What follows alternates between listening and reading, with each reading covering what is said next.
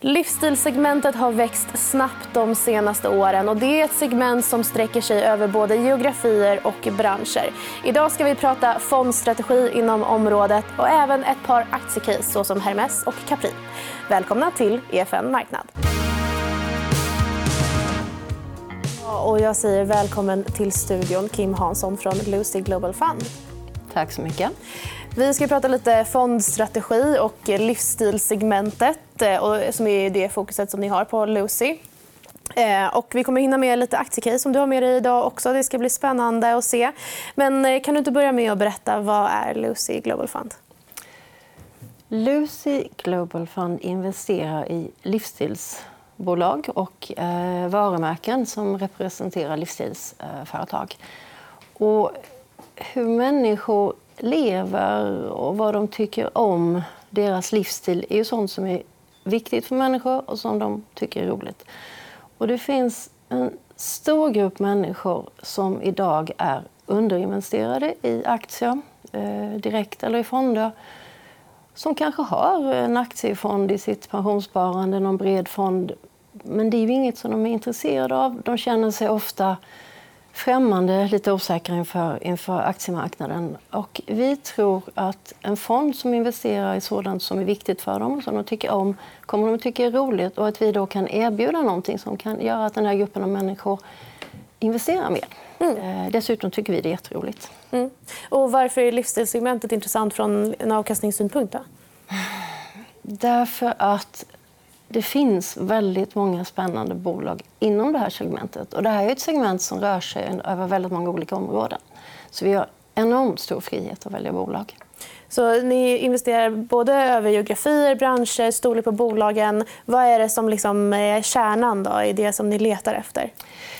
Uh, bara allra först, vi investerar vi kan investera över hela världen. Vi investerar över olika branscher. Men huvudsakligen så investerar vi i stora, stabila bolag som är ledande, stark ledning och såna här saker. Duktiga på hållbarhet. Um, Varför är hållbarhet viktigt för er? Därför att det är viktigt för alla, om jag så får säga. Och när vi menar hållbarhet då jobbar vi som så att allra först så filtrerar vi bolagen utifrån eh, de betyg som de får av de data, hållbarhetsdataföretag som vi använder. Det är liksom ett filter. Om de inte får ett högt betyg så är det ingen mening att lägga ner arbete. Men vad vi tittar på sen det är ju hur de har, vilken affärsmodell de har. Att de har en affärsmodell som är hållbar på riktigt. Det är så vi definierar det i vårt arbete. Så det är jätteviktigt. Och eh, vad är det för typ av branscher som ni tittar på framför allt? Då? Kan ni se några Ja, vi jobbar utifrån teman kan man säga. Det handlar dels om sånt man tycker om att köpa. Kläder, smycken, skönhetsprodukter. Det handlar om sådant man tycker är roligt att göra. Många tycker det är roligt att vara, eller tycker om att vara ute i naturen. Många gillar att träna. Det är väldigt populärt att laga mat. Den typen av bolag. Och sen handlar det om sådant som är viktigt, som ligger folk nära. Barn och djur, mm. till exempel. Blir det mycket konsumentfokus då? Alltså det blir ju bolag som vänder sig mot människor. Människor är konsumenter. Så ja, men det är ju väldigt inte alls nödvändigt att det är, och tvärtom ganska få bolag som är vad du kanske tänker på i första hand när du tänker konsumentprodukt och sådant som är eh, i tid just nu, sånt som man köper slit och släng. Den typen av bolag Eh, finns inte eh, i, i vår fond. Mm. Och tittar man på marknaden nu så är ju konsument, eh, konsumenterna tänker väldigt annorlunda kring sina köpbeteenden. Hur, hur kommer det här slå mot en fond som er i de här tiderna? Ja, men man kan väl säga som så här att fram till eh, första halvåret i år så gick det väldigt bra för de flesta bolag. För man var, alla var glada efter corona och, och eh, de flesta såg positivt på världen och sådär. Eh, under hösten så har det börjat gå eh, vara besvärligt för en del bolag. De som är just de här eh, modeprodukterna med kort livscykel som har drabbats av problem i, i leveranskedjan och fått för höga varulager. Nu måste de realisera. de har det jobbigt. Såna har vi inte. Eh, och de som vi hade som var visst utsatta mot det, de eh, har vi sålt av eh, sedan en, tid tillbaka. Men de bolagen som har långa livscykler på sina produkter, produktlivscykler, de som har ett väldigt starkt varumärke, de som har en lojal kundkategori, många gånger i detta lyxbolag, de drabbas i väldigt liten omfattning, kan ibland till och med vara tvärtom. För att eh, man realiserar inte ut. Då ställer man tillbaka väskan på lagret och säljer den nästa år istället. Så att eh, de drabbas i väldigt begränsad omfattning. Men de minskar ändå i försäljning för den här typen av bolag som jag menar, Kina är ju till exempel på en ganska stor mm. köpare av den här typen av produkter. Mm. Eh, vi ser att det politiska klimatet håller på att förändras. Ehm, har det en effekt på de här bolagen som ändå är i lyxsegmentet? Ja, men just Kina är definitivt ett problem för en del av dem, men inte för alla. faktiskt. Eh, vilket är rätt intressant.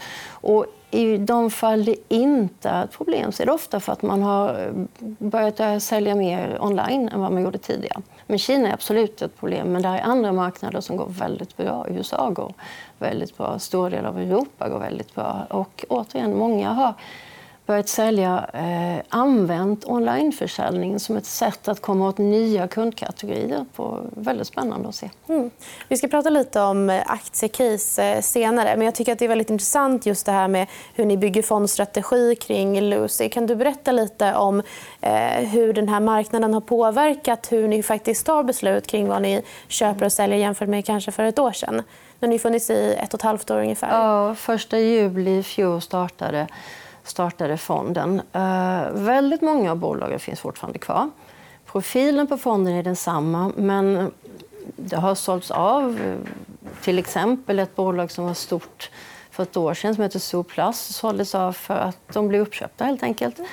Andra bolag har vi eh, skalat ner i därför att de har gått upp, gått väldigt bra. Så de har fått en stor eh, andel av fonden och då har vi dragit ner lite grann.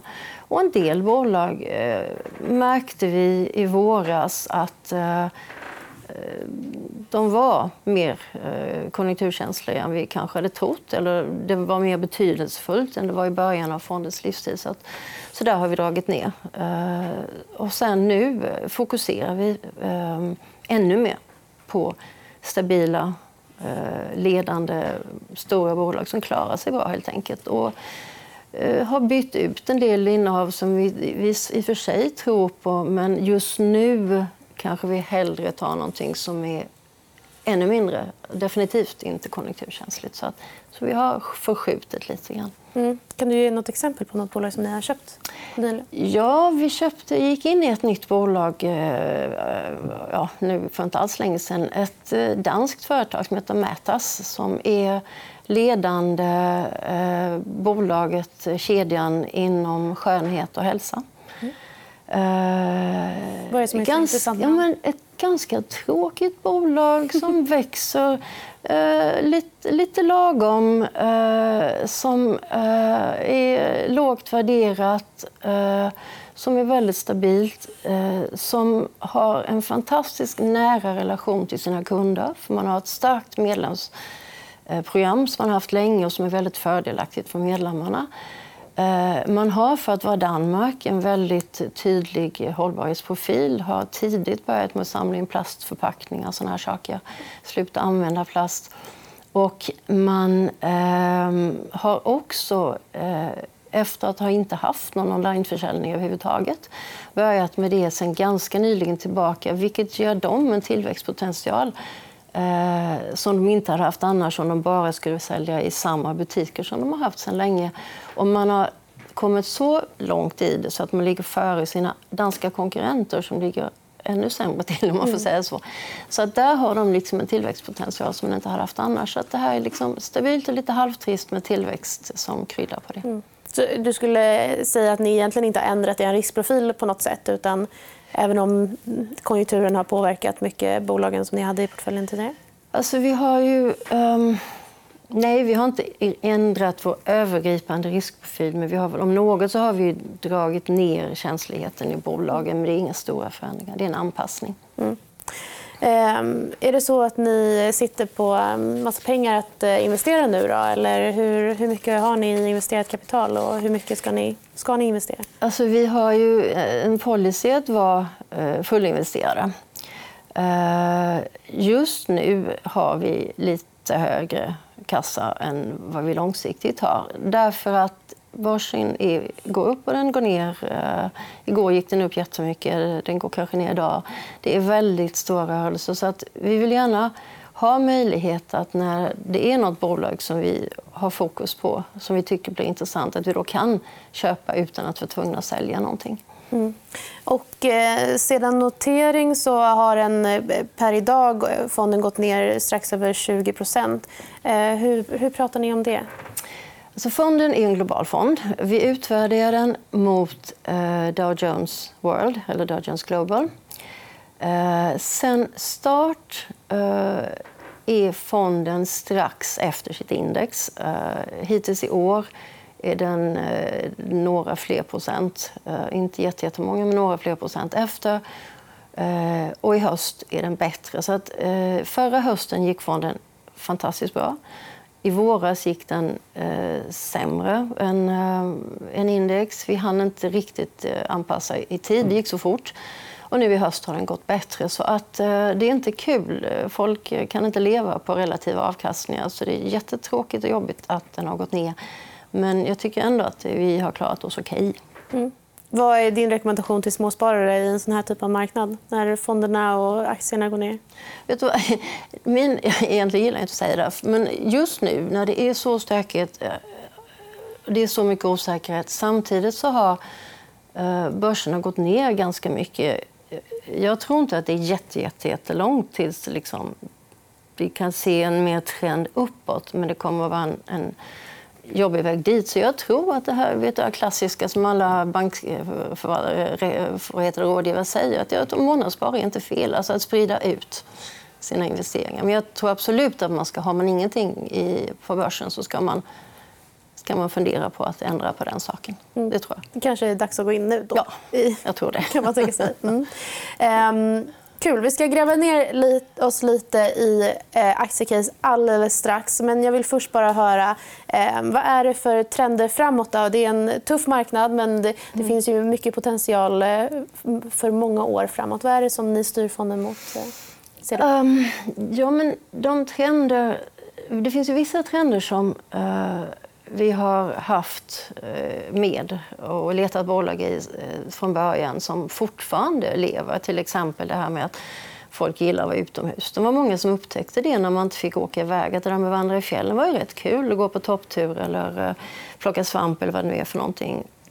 Den typen av bolag är fortfarande väldigt intressanta.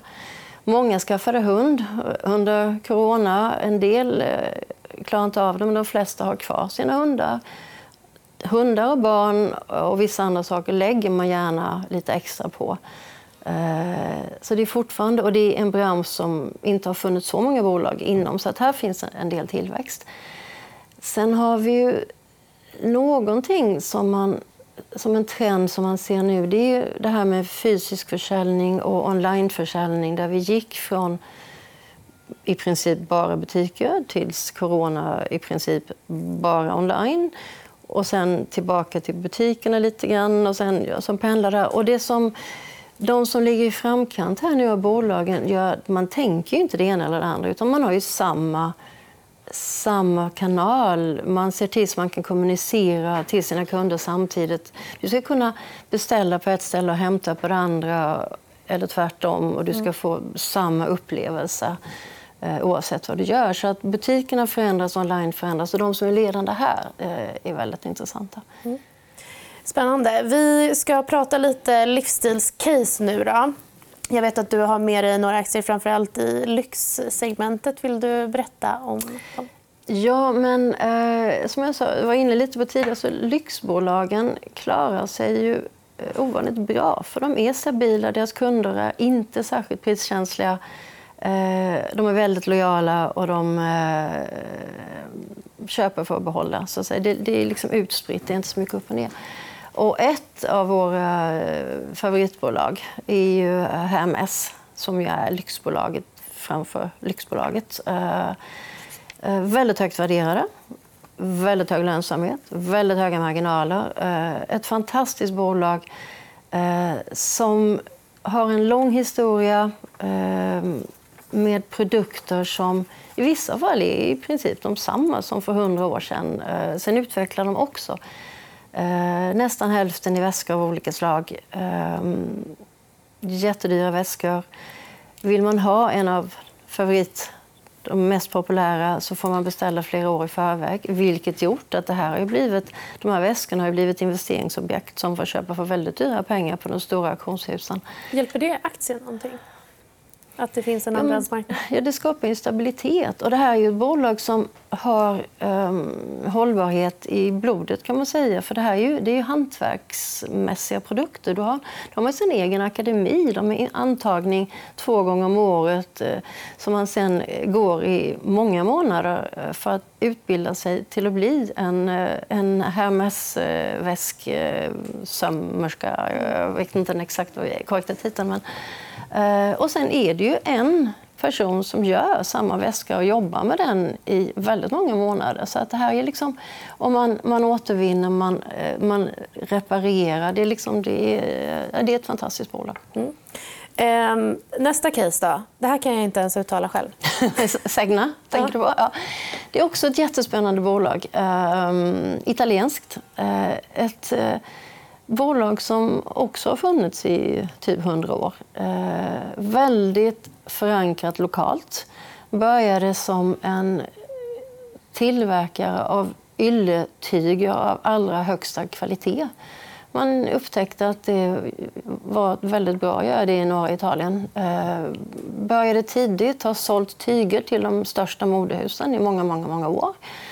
Eh, men sen eh, med, eh, på senare år, nytt blod som kommit in i ledning så har man slagit in på en jättespännande...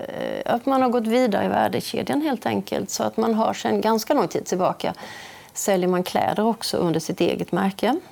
Och även ett Tom Brown sen nyligen som är en en känd profil eh, inom modevärlden har eh, köpt över eh, det märket. Eh, huvudsakligen eh, kläder för män, eh, kontorskläder, eh, made, eh, vad heter det? made to measure. Mm. lite grann har man börjat med damkläder också. Eh, jättespännande. De har en väldigt stabilt, hållbart, hög tillväxt. Inte låg värdering, men inte utmanande alls i förhållande till deras tillväxt. Så det är väldigt spännande bolag. Mm. Och det sista bolaget, Capri, också ett eh, lyxvarumärkesbolag men med flera varumärken i samma ja, bolag. Ja, för de är, de är lite annorlunda. Eh, de äger licenserna till eh, Versace, Jimmy Choo och Michael Kors. Och säljer ju över hela världen i olika kanaler. De är ju något mer eh, utsatta för konjunktur genom eh, Michael Kors som, har, som det går bra för, men inte lika bra som Versace går fantastiskt bra. Eh, genom man har lyckats bilda, bygga en storytelling kring varumärket och man har varit väldigt lyckosam i produktlanseringar.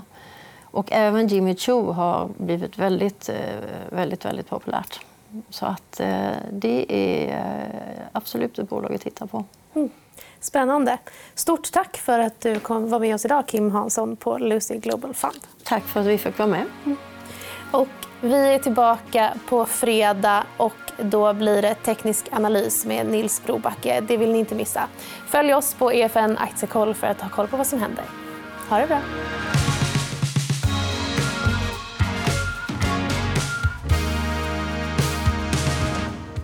Har lyssnat på EFN Marknad, en podd av EFN Ekonomikanalen.